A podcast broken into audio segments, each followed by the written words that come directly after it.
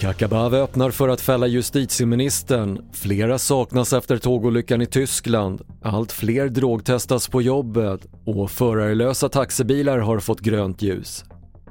TV4-nyheterna börjar med att den politiska vilden Amineh Kakabaveh som kan bli den avgörande rösten i misstroendeförklaringen mot justitieminister Morgan Johansson kräver bland annat att inte gå med på Turkiets krav på Sverige för ett NATO-medlemskap. Hon kommer bestämma sig efter samtal med Socialdemokraterna i helgen. Jag kommer att eh, bestämma mig då eh, och då om man inte tillmötesgår Eh, tyvärr, jag har ingen emot, ska jag säga, eh, Morgan Johansson. Det är inte emot honom, utan det är mitt ställningstagande för Sverige, för mänskliga rättigheter. Då kommer jag tyvärr göra det, ja.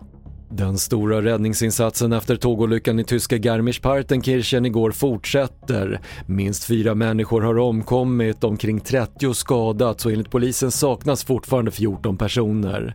Det är oklart varför tåget spårade ur men myndigheterna bedömer att det inte var något sabotage.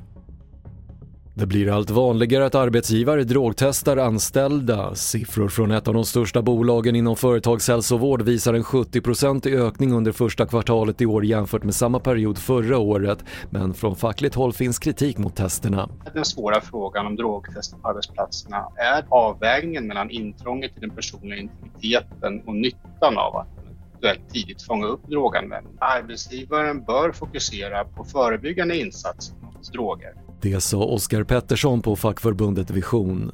Och det är nu grönt ljus för förarlösa bilar i San Francisco. Det är första gången som en reguljär taxiservice utan förare i en storstad tillåts i USA. Trots att tillståndet har sina begränsningar och bara gäller vissa tider på dygnet och inte i dåligt väder menar biltillverkaren General Motors att det är en milstolpe för hela branschen.